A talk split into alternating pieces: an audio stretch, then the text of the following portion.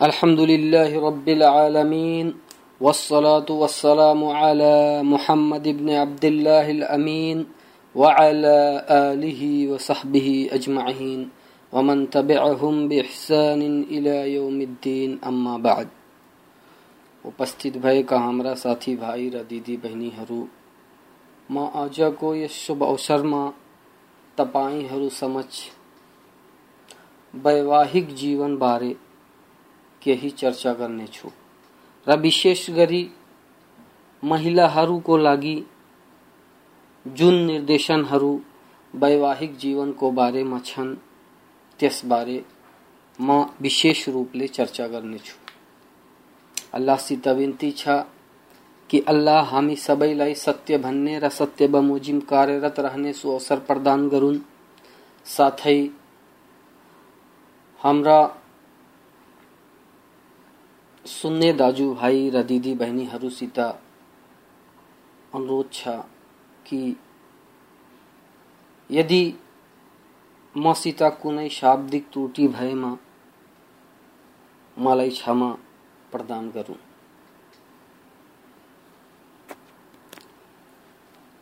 अल्लाह सुबहानहु व ताला आफ्नो पवित्र ग्रन्थ कुरानमा यसरी भन्छन्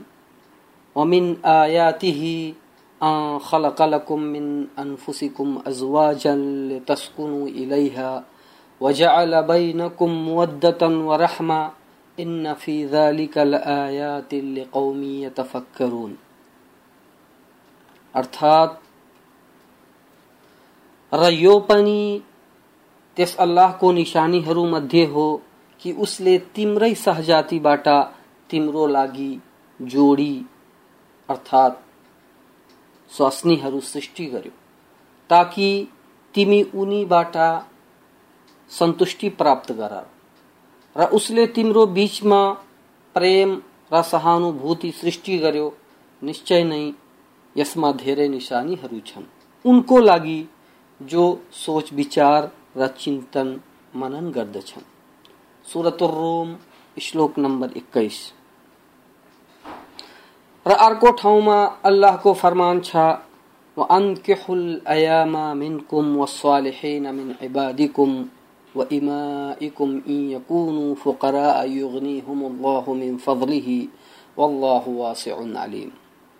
अर्थात र तिमीहरू मध्ये जो स्त्री पुरुष अविवाहित छन् उनको विवाह गरिदिने गर र आफ्ना गुलाम र दासीहरूको पनि जो नेक छन् निकाह गरिदिने गर र उनीहरू यदि गरिब छन् भने अल्लाहले उनीहरूलाई आफ्नो अनुग्रहले समृद्ध गरिदिनेछ र अल्लाह धेरै सुविधादाता र सर्वज्ञ सर्वज्ञ छ। सुरत नूर, श्लोक नम्बर बत्तीस। इमाम इब्ने कसीरको भनाइ छ कि यो विवाह गर्नुको आदेश हो। र वृद्धहरूको एउटा समूह विवाह गर्नुलाई अनिवार्य भन्छ।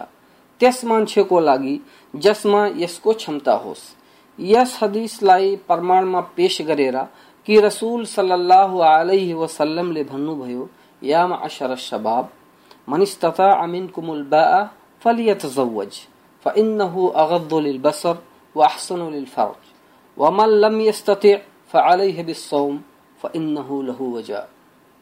अर्थात हे नवयुवकहरूको समूह तिमी मध्ये जससित विवाह गर्ने क्षमता होस्, त्यो विवाह गरिहालोस्।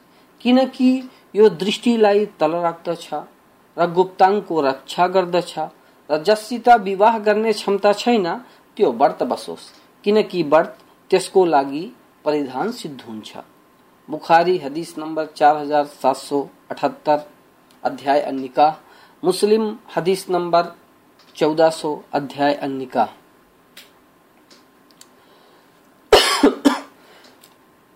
फेरि यो वर्णन गरेका छन् कि विवाह गर्नु समृद्धताको कारण पनि हो। अल्लाहको यस कथनद्वारा प्रमाणीकरण गर्दै यकुनु फुकरा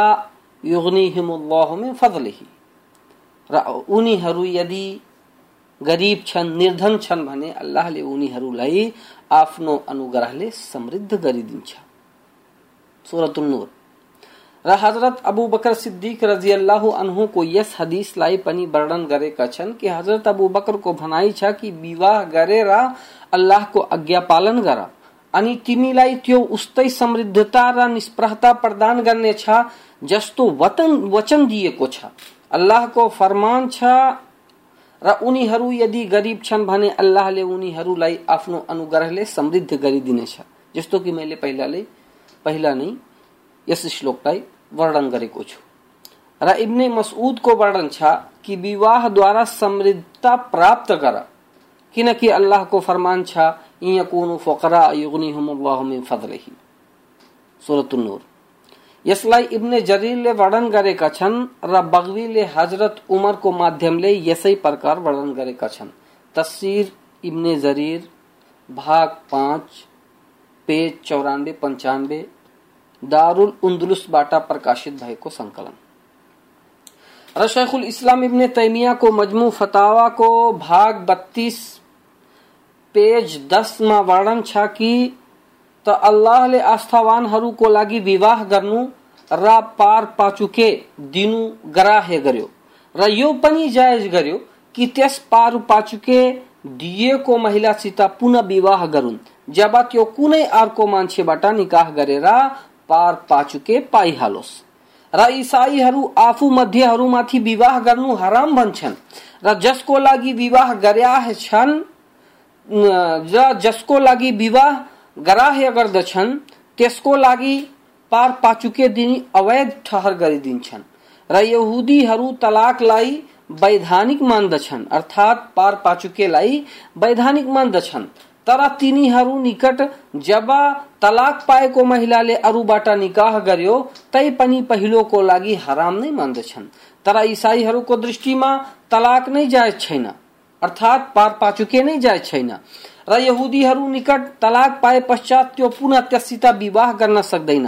तर अल्लाहले मुसलमानहरूको लागि दुवै तरिकालाई जायज़ ठहर गरेको छ। यो हो इस्लामको व्यापकता। र विस्तृतता र इमाम इब्नुल कयीम रहमहुल्ला हदियुन नबी को भाग तीन, पेज एक सौ उनचासमा सहवासको लाभलाई वर्णन गर्दै भन्छन् जुन कि वैवाहिक जीवनको एउटा उद्देश्य पनि हो कि सहवास गर्नुको तीन प्रमुख कारण लक्ष्य छन्, जुन सम्भोगको मुख्य उद्देश्य पनि हुन्।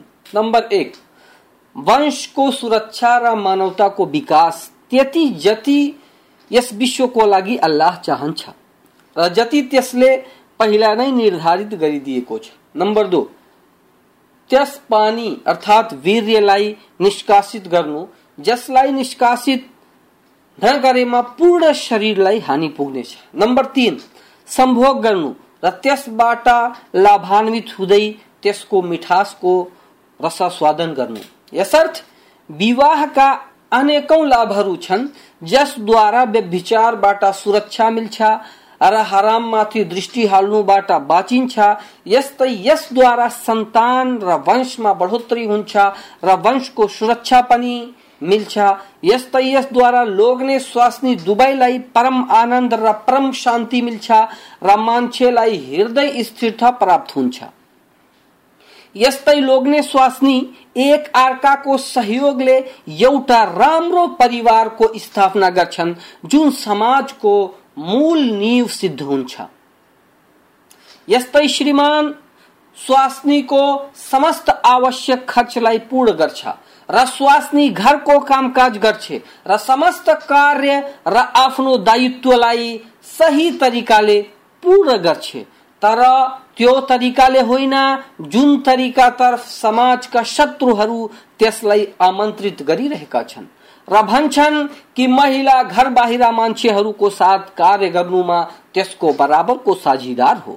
अनि त्यसलाई त्यसको घरबाट बाहिर निकाली, त्यसलाई त्यसको असल कार्यबाट बिराइदिए र त्यसलाई अर्काको कार्य गर्नुमा खटाइदिए र त्यसको असल कार्य अरूद्वारा गराउन थाले।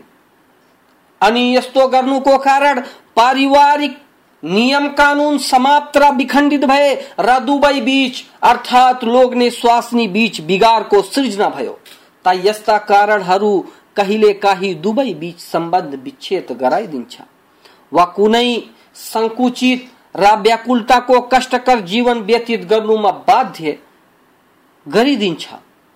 शेख मोहम्मद अमीन संकीर्ति इजवाउल बयान को भाग तीन, पेज चार सौ बाईस, माँ में भन्नुहुन्छ याद रखा, हे मुसलमान, अल्लाह तिमीलाई र हामीलाई त्यस कुराको अवसर प्रदान गरोस् जसद्वारा त्यो प्रसन्न भएर राज़ी भइहालोस्। यसर्थ, यस्ता खालका दृष्टि र धारणाहरू गलत, नास्तिकता र घृणित धारणाहरू हुन्, जुन कि मानिस र ईश्वरी विरुद्ध छन्।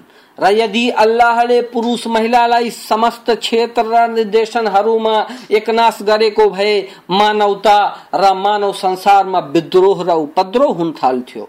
र यो कुरो दृष्टिवान र बुद्धिजीवीहरूबाट अज्ञात छैन। त्यस मान्छे बाहेक जसको दृष्टि नै खोसिएको होस्। किनकि अल्लाहले महिलालाई केही विशेषताहरू विशिष्ट गरेको छ। किनकि अल्लाहले महिलाहरूलाई केही विशेषताहरूद्वारा विशिष्ट गरेको छ।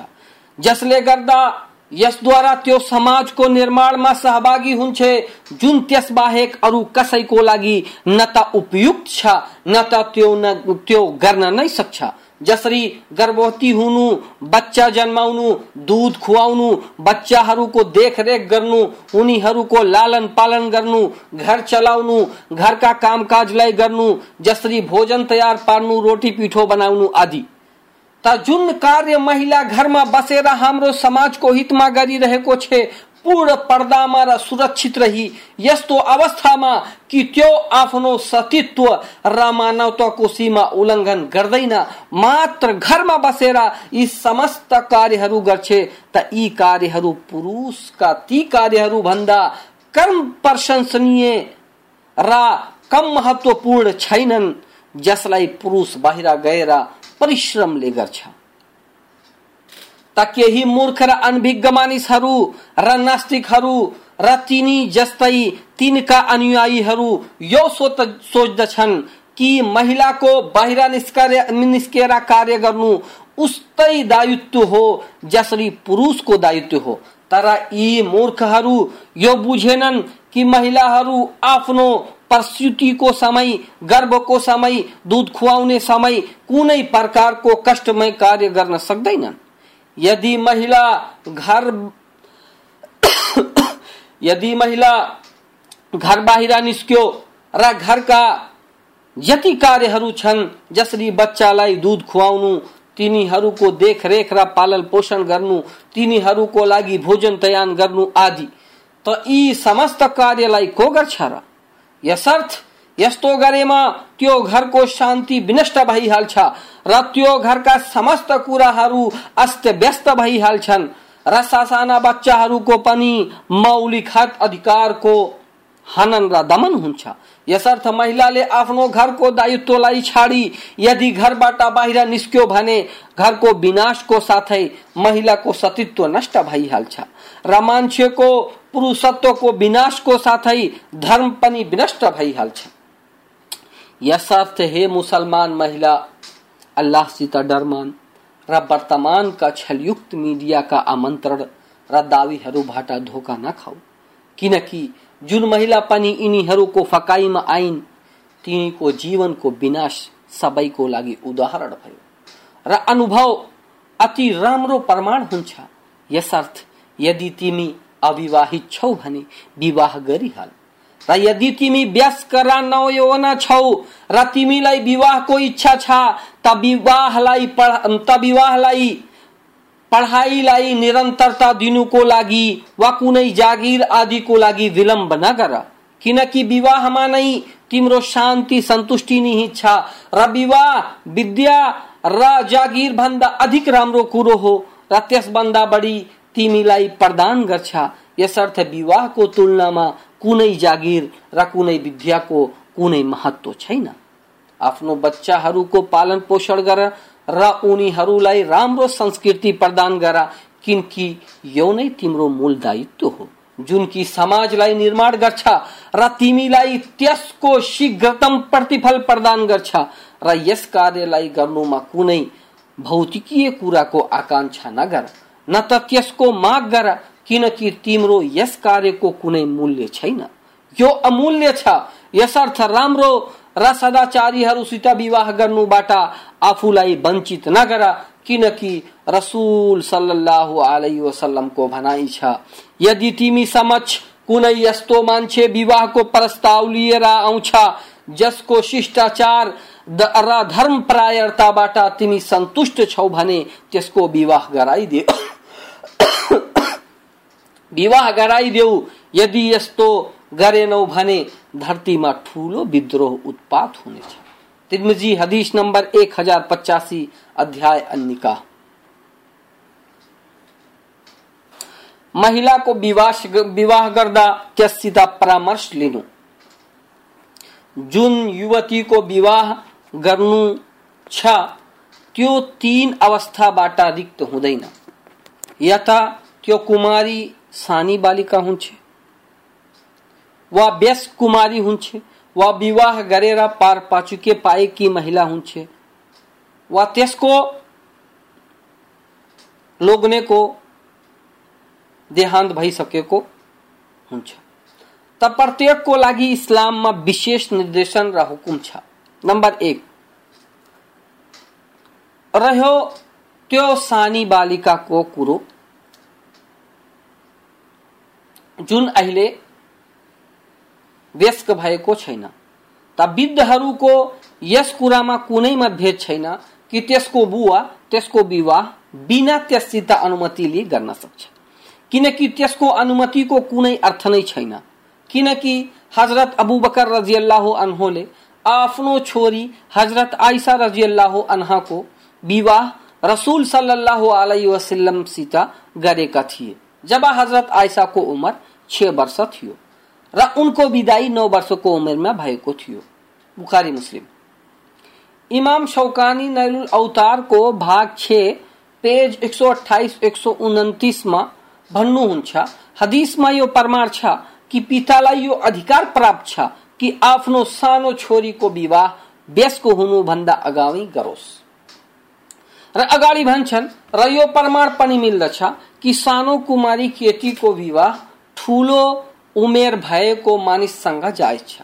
र यसै कारण यसको बारेमा इमाम बुखारीले एउटा अध्याय नै कायम गरेका छन्। र त्यस अंतर्गत हज़रत आइसाको विवाहको हदिसलाई पनि वर्णन गरेका छन्।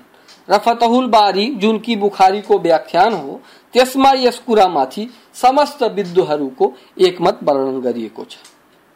र इब्ने कुदामा मुगनीको भाग छ पेज चार सौ अठासीमा भन्छन् इब्ने मुन्जिरको भनाइ छ कि जति विद्धहरूबाट हामीले विद्या ग्रहण गरेका छौँ, ती समस्तको उद्गार बमोजिम जब पिता आफ्नो सानी छोरीको विवाह, यस्तो मान्छेसित गरोस्, जुन तिनीहरूको बराबरीको दर्जाको होस्, त यस्तो गर्नु त्यसको लागि जायज़ रमा भन्दछु कि जुन हज़रत अबु बकरले आफ्नो छोरी हज़रत आइसाको निकाह छ वर्षको उमेरमा रसुल सल्लाह वसलमसँग गरेका थिए, यसमा ती मानिसहरू विरुद्ध पर्याप्त प्रमाण छ, जुन सानो बालिकाको विवाह ठुलो मान्छेसित गर्नुको इन्कारी छन् र यस कार्यलाई अवैधानिक र अमानवीय कार्य ठान्दछन्। त उनीहरूको यो विचार र दोषारोपण मात्र उनीहरूको अनभिज्ञताको प्रतीक हो। वा उनीहरूको वासना र स्वार्थीय स्वभावले गर्दा हो। नम्बर दो। र रह्यो कुरो व्यस्क कुमारीको कुरो, त त्यसको विवाह बिना त्यसको अनुमति गरिँदैन। र त्यसको अनुमति त्यसको चुप लाग्नु नै हो। जस्तो कि रसुल सल्लाह अलैहि वसल्लमको फरमान छ, र कुमारी बालिकाको विवाह बिना त्यसको अनुमति गरिँदैन। त प्रश्न गरियो कि हे अल्लाहको रसुल त्यसले कसुर, कसरी अनुमति दिन्छ? त रसुल सल्लाह वसलमले भन्नुभयो, त्यसको अनुमति, त्यसको चुप लाग्नु हो। बुखारी हदीस नंबर चार हज़ार आठ सौ तिरालीस, अध्याय अन्निका तिरमिजी हदीस नंबर ग्यारह सौ सात, अध्याय अन्निका यसर्थ त्यसको अनुमति अति आवश्यक छ। यद्यपि त्यसको विवाह गराउने मान्छे, त्यसको पिता किन नहोस्? त्यसलाई अनुमति लिनु अति आवश्यक छ। यही नै विद्धहरूको दुई कथन मध्ये सत्य कथन हो। अल्लामा इब्नुल कय्यिम हदी को भाग पाँच, पेज छियानब्बेमा भन्छन् र यो नै अधिकांश विद्ध र सदाचारीहरूको कथन हो। दुई मध्ये एक कथनमा र यो नै त्यो कथन हो जसमाथि हामी धर्म बुझेर आस्था राख्दछौँ। र यो कथन नै रसुल सल्लाह वसल्लमको आदेश अनुकूल छ। र उहाँ सल्लाह वसल्लमले मनाही गरेको अनुकूल पनि नम्बर तिन र रह्यो कुरो सयिबाको पहिलादेखि विवाह भएर त्यसबाट कुनै कारण तलाक पाएकी महिला, वा लोग्नेको स्वर्गवास भएर राण भएकी महिलाहरूको अवस्था। त त्यसबाट अनुमति लिनु अनिवार्य छ। अर्थात, यस सयिबा विधवा अथवा व्यस्क र पार पाचुके पाएकी महिलासित अनुमति लिनु अनिवार्य छ। र त्यसको अनुमति चुप लागेर दिनु मान्य छैन। बरु यो जरुरी छ कि त्यो बोलेर सहमति, असहमति जनाओस्। इब्ने कुदामा मुगनीको भाग छ पेज चार सौ तिरानब्बेमा भन्छन् हामीलाई यस कुरामा विद्धहरूको कुनै मतभेद देखिएको छैन कि सय्यबाको सहमति बोल्नुबाट नै मान्य छ। किनकि जिब्रो नै हृदयमा भएका कुराहरूलाई व्यक्त गर्ने माध्यम हो र यो नै समस्त कार्यहरूमा मान्य छ। यसर्थ, यस समस्यामा पनि यो नै सर्वमान्य हुन्छ। शेखुल इस्लाम इब्ने तैमियाको मजमू फतावाको भाग बत्तीस, पेज उन्तालिस चालिसमा भनाइ छ कसैको लागि यो वैध छैन कि त्यो महिलाको विवाह बिना त्यसको अनुमति र सहमति गरोस्। र यदि त्यो कसैसित विवाह गर्नुलाई अप्रिय ठानोस् भने सानो बालिका बाहेक अरू कुनै महिलालाई त्यसमा विवश गर्नु जायज़ छैन। र यस्तो गर्नुमा चाहे त्यसको पिता, भाइ आदि किन नहुन् सबैको लागि जबरजस्ती त्यसको विवाह गर्नु जायज़ छैन। र यो नै समस्त मुसलमानहरूको दृष्टिकोण हो। यस्तै व्यस्क कुमारीको पनि विवाह त्यसको बुवा र बाजे बाहेक कसैको लागि जायज़ छैन कि बिना त्यसको अनुमति लिई त्यसको विवाह गरोस्। र बुवा बाजेको लागि पनि उचित यो नै छ कि त्यसबाट अनुमति प्राप्त गरून्। र वृद्धहरूको यस कुरामा मतभेद छ कि त्यससित अनुमति लिनु अनिवार्य छ वा मुस्तहब? अर्थात् सुन्नत। र सही कुरो यो नै हो कि अनुमति लिनु अनिवार्य छ। यसर्थ महिलाको वली सरपरस्त अभिभावकमाथि यो अनिवार्य छ कि त्यसको विवाह गराउने कुरामा अल्लाहसित डरोस् र यो अवश्य हेरोस् कि त्यसको लोग्ने त्यससित बराबरीको दर्जाको छ कि छैन। किनकि त्यसको विवाह, त्यसको हितको लागि हो। महिलाको विवाहको लागि वली अर्थात् सरपरस्त अभिभावकमा पाइने शर्तको वर्णन र त्यसको तत्वदर्शिता महिलालाई आफ्नो स्वामी लोग्ने चयन गर्ने अधिकार दिनुको अर्थ यो होइन कि त्यो जुनसुकैसित चाहोस् आफै विवाह गरिहालोस्। यद्यपि यस्तो गर्नुबाट त्यसको परिवारलाई हानि बिहोर्नु परोस् त कुरो यस्तो छैन। बरु महिला आफ्नो वलीसित अर्थात् सरपरससित संलग्न छे। जुन त्यसको हितबारे त्यसलाई परामर्श दियोस् र त्यसलाई राम्रो मार्गमा लगाओस्, र त्यसको विवाहको व्यवस्थापन गरोस्।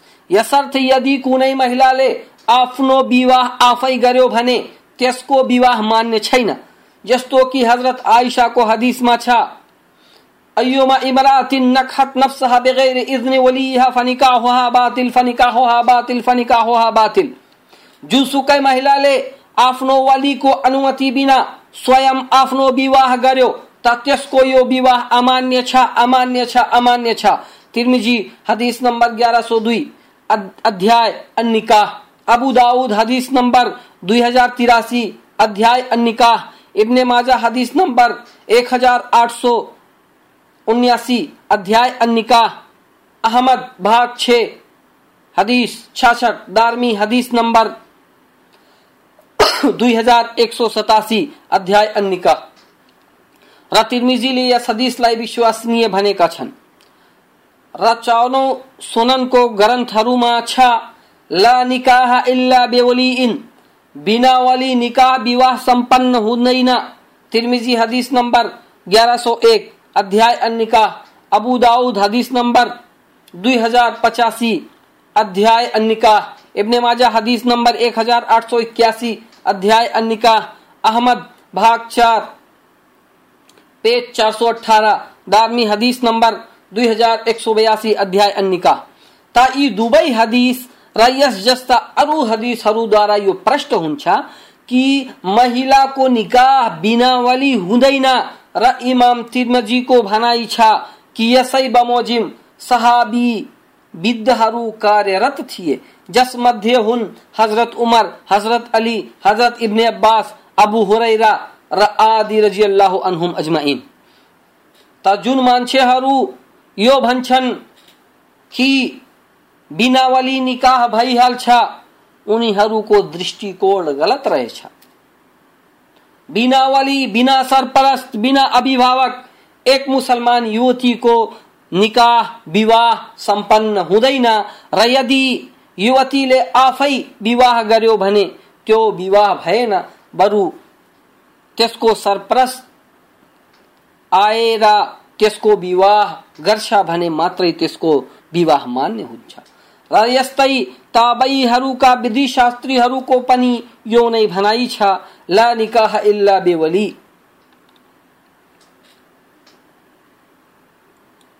विवाहको ऐलान गर्ने उद्देश्यले महिलाहरूको दुफ डफला जस्तो बजाउने बाजा बजाउनुको हुकुम। डफला जुन कि हामीहरूको देशमा बजाइन्छ र विशेष रूपले यसलाई मधेसतिर बजाउने रीति छ। महिलाको लागि महिलाहरूको माझामा विवाहको ऐलान गर्ने उद्देश्यले दुफ अर्थात् डफला बजाउनु मुस्तहब छ।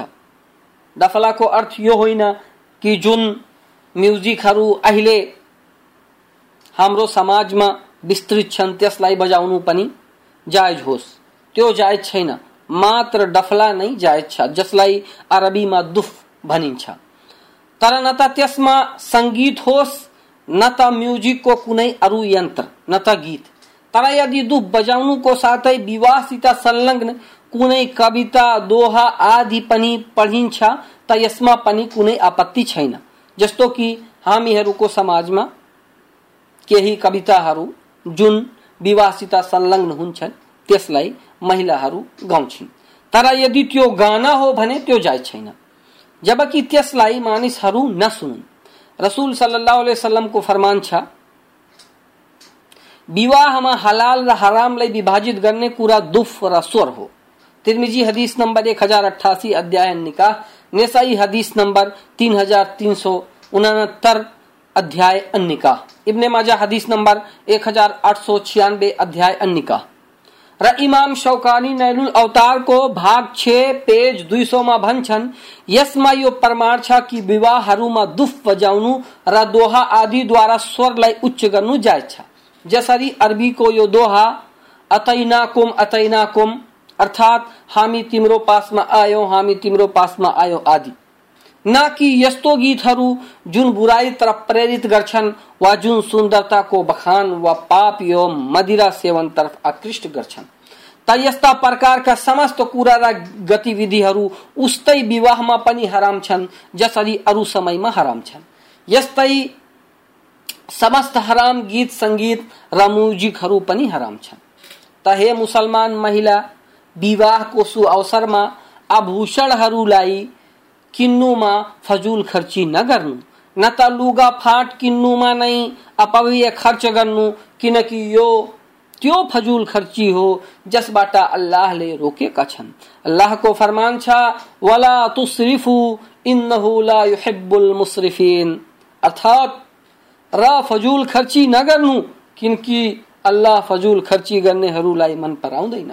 सुरतुल अनाम, श्लोक एक सौ इकतालीस यसर्थ हे मुसलमान महिलाहरू तिमीमाथि यो अनिवार्य छ कि सीमामा रहेर खर्च गर र यसमा एक अर्कासित प्रतिस्पर्धा गर्नुबाट बाँच।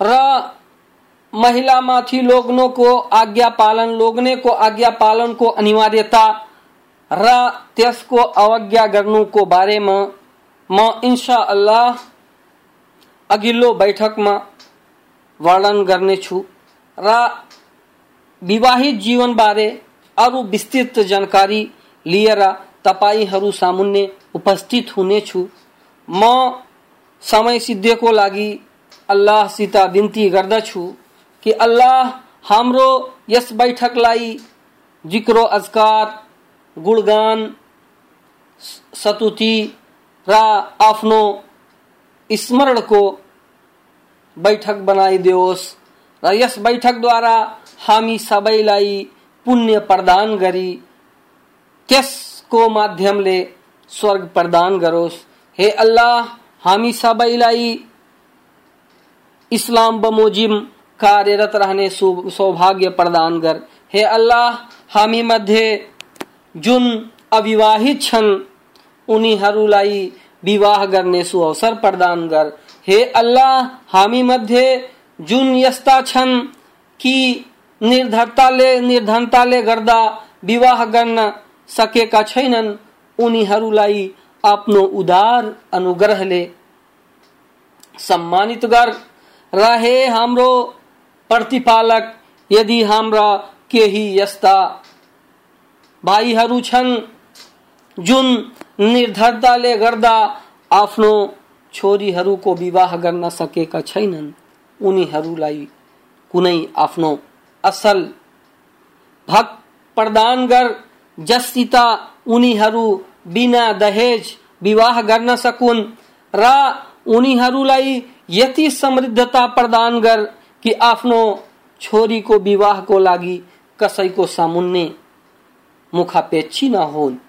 हे अल्लाह, हामी सबैलाई जुनकी विवाहित जीवन व्यतीत गरिरहेका छन्, उनीहरूको वैवाहिक जीवनलाई प्रशान्तिमय र आनन्दमय बनाइदियो।